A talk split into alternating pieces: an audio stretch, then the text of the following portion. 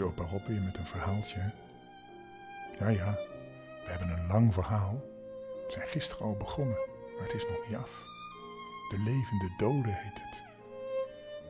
Het is best griezelig, maar aan de andere kant ook weer niet. Het is een moeder die waakt over haar kind. Maar het heeft een hele bijzondere afloop. Laat maar gauw gaan luisteren.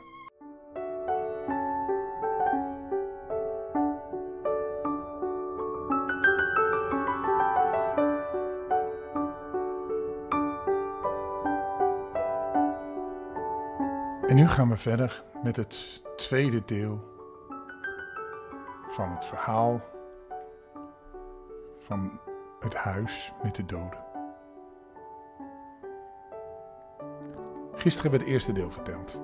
Dat was een moeder die heel gerespecteerd en lief en vriendelijk tegen iedereen was, die altijd achter het raam zat. Maar er was in het huis iets ergs aan de hand. De dochter was getrouwd met een dronkenlap en die dronkenlap, die sloeg haar. En toen ging ze dood. En toen werd het voor de dochter nog veel erger.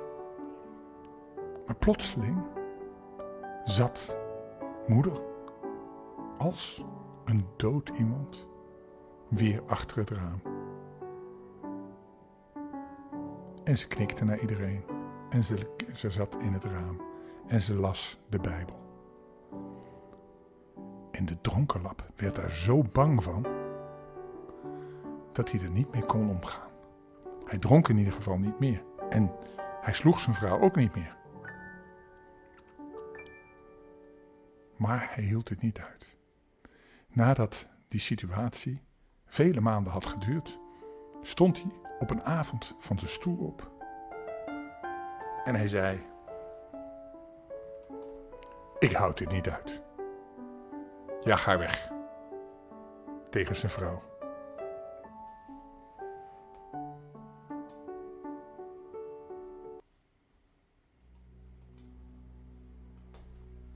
Jij hebt haar geroepen. En door jouw toedoen is ze hier. Maar zijn vrouw, die reageerde niet. Zoals een vleermuis die de draden in de duisternis handig weet te ontwijken. Zo ontweken haar gedachten, ook zijn woorden. En ze konden haar dus geen pijn meer doen. Ze zei alleen maar: Laten we naar bed gaan, het is laat. Laat of vroeg, ik weet niet meer wat voor tijd het is sinds die oude dode vrouw hier leeft.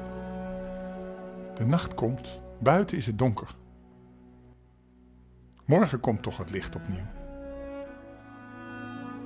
Ik ben banger voor de dag dan voor de avond. Alle lampen zijn al uit. De onze brandt nog, al zal ze de dag niet tegen kunnen houden. Wat kan de dag wel tegenhouden? riep hij radeloos uit. Ik ga alleen.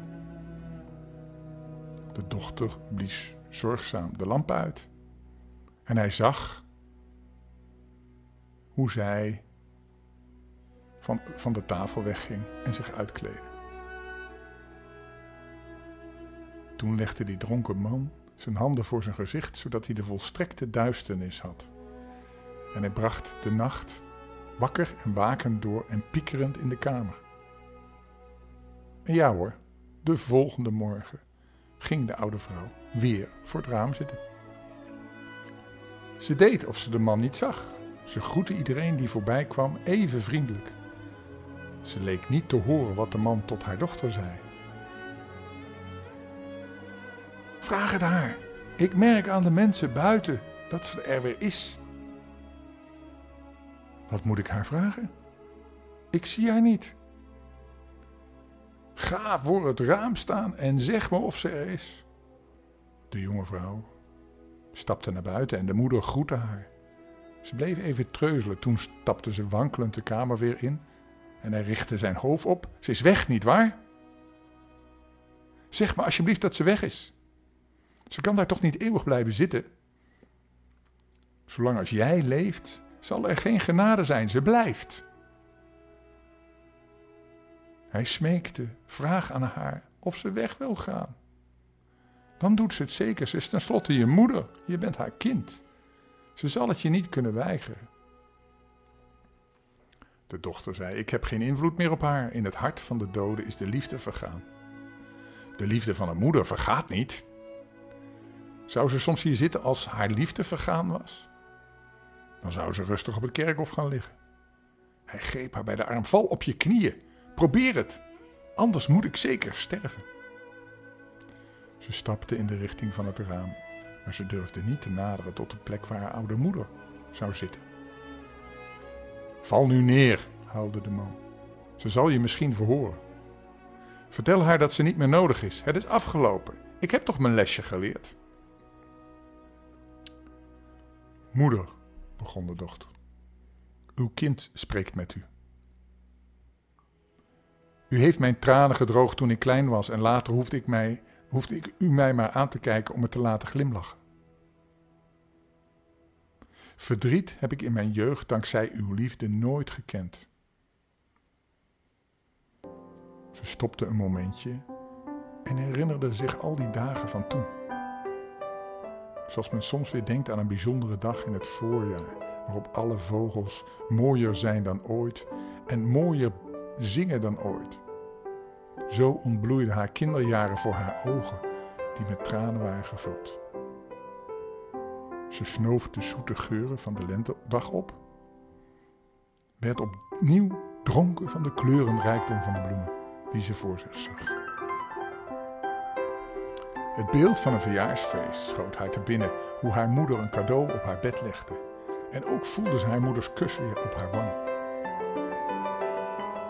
Toen ze vertelde dat de meester haar een, een, een pluim had gegeven. Ze riep de zoete, vertrouwde naam die de oude vrouw bij het raam moest doen opschrikken. En die haar glimlachend op haar dochter zou doen neerzien. Moeder, moeder, moedertje. Maar nu kwam er geen antwoord. Ze probeerde het opnieuw. Moedertje, luister toch naar mij.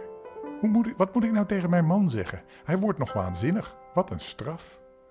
Moeder zweeg. En de jonge vrouw strekte haar armen hulpeloos naar haar man uit. Zie je wel, het helpt niets, wat ik haar ook vraag. Vraag haar dan wat ik heb gezegd, zei hij ongeduldig. Dat heb je nog niet gedaan. De vrouw, de jonge vrouw, kroop op haar knieën tot vlak bij de plaats waar haar moeder zitten moest. Moeder, hij zal me nooit meer slaan. Het is genoeg geweest. Ga nu naar buiten. Ga nu naar buiten, beval de man. De dochter deed wat hij wilde en keek nog een keer naar het raam. Wanhopig vouwde ze de handen toen ze zag dat de oude vrouw als altijd bij het raam zat, de Bijbel op haar schoot. En ze keerde in de kamer terug. Haar man keek niet op, hij vroeg niets maar zij gaf hem door haar stilzwijgen al genoeg antwoord. Ze is niet weggegaan. Het helpt niets of ik in het stof kruip voor haar. Haar hart is dood. We gaan op zolder wonen. Ik laat achter in het huis een trap maken. We komen nooit meer in deze kamer terug. Ik wil nog wel eens zien wie hier de sterkste is, zij of ik. Ze zal het hier niet lang meer uithouden, riep hij en er klonk nieuwe hoop in zijn stem. En als alles na zoveel jaar voorbij is, dan kunnen we wel weer in deze kamer komen. Hij timmerde op de zolder een bedstee. Hij zette de stoelen en de tafel daarbij. Ze hadden nu het gevoel dat ze heel ver van de kamer leefden. Ze vermeden het zoveel mogelijk om naar buiten te gaan. Alleen wanneer de vrouw water uit de regenton moest scheppen, verliet ze het huis.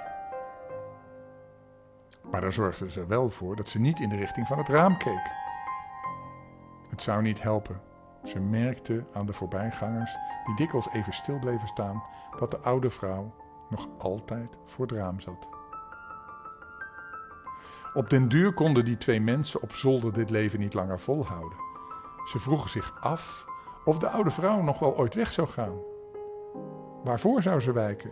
Ze was niet gevoelig voor de smeekbeden van haar dochter. En met geweld viel bij een dode ook niets te bereiken. Ik ga morgen vroeg nog een keer kijken of ze er nog altijd is. En dan, zei de man nog een keer, toen ze de hele avond zwijgend tegenover elkaar hadden gezeten.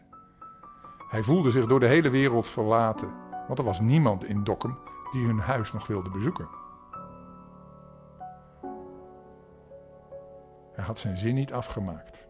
Hij zei niet wat hij dan ging doen. Maar zij voelde hoe de aloude woede in hem opsteeg. Ze hield zich aan haar stoel vast en staarde hem met grote ogen aan. Hij liet zijn vuist op tafel vallen en ze schrok. Zou het oude leventje dan weer opnieuw beginnen? Wat wil je dat ik doe? vroeg ze timide. Ik ben bang. Door dit onverwachte antwoord vatte ze moed. Bang? Dan weet je ook eens wat het is. Vroeger was je anders zo bang niet. Je had maar makkelijk dood kunnen staan. Hij voelde zich tot het uiterste getergd door haar brutale weerwoord. Durf jij zo tegen mij te spreken? Nou weet ik helemaal zeker dat jij die toverkol hebt geroepen. Nou, je hebt het handig aangepakt. Dat moet ik je nageven.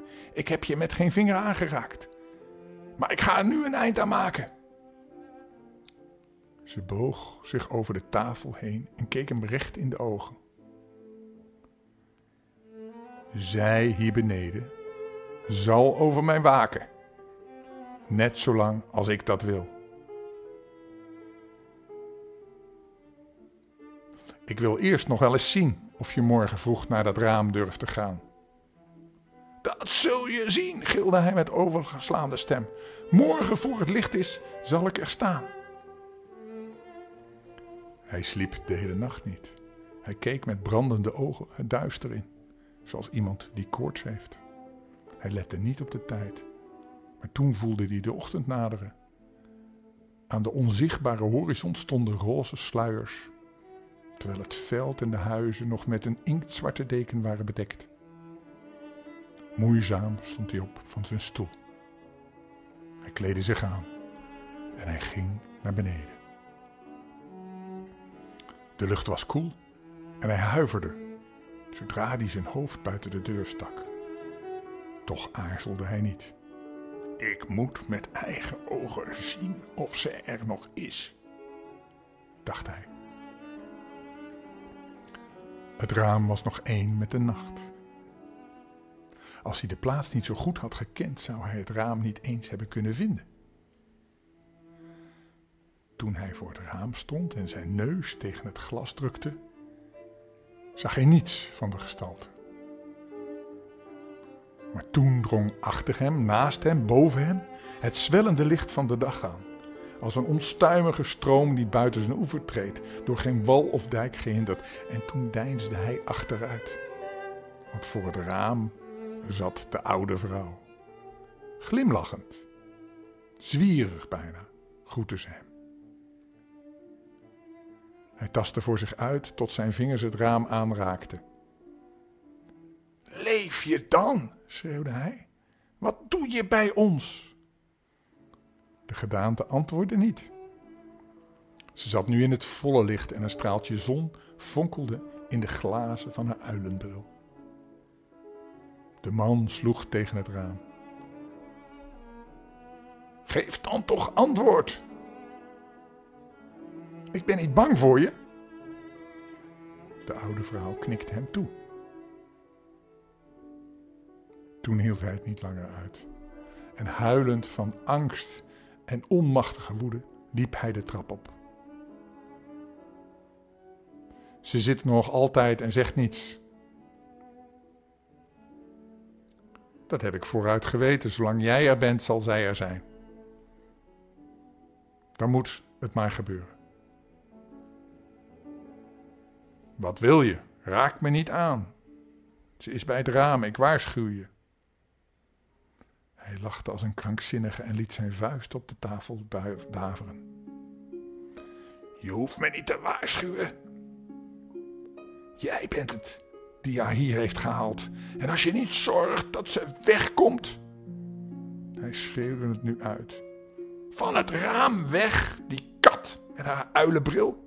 Kst, smerige kat, wat doe je in mijn huis? Wat klets je nou? Heb ik haar in huis gehaald? Dat ligt je zo groot als je bent. Ik heb niets in huis gehaald. Dat niet van jou of van mij is. Ik heb geen geest in de kamer gebracht. Bewijs het.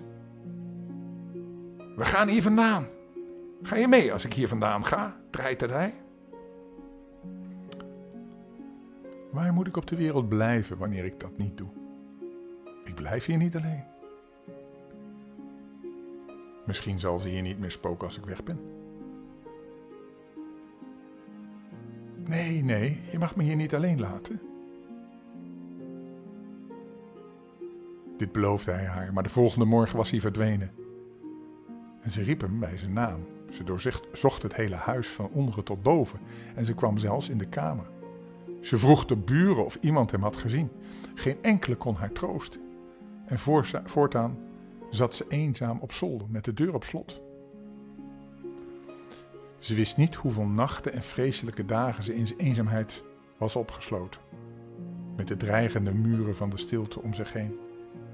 Ze durfde helemaal niet meer te denken. Haar lot was nog akeliger dan dat van een gevangene, want die heeft nog altijd de hoop en het verlangen van een bevrijding. Zij echter zag niets dan haar cel.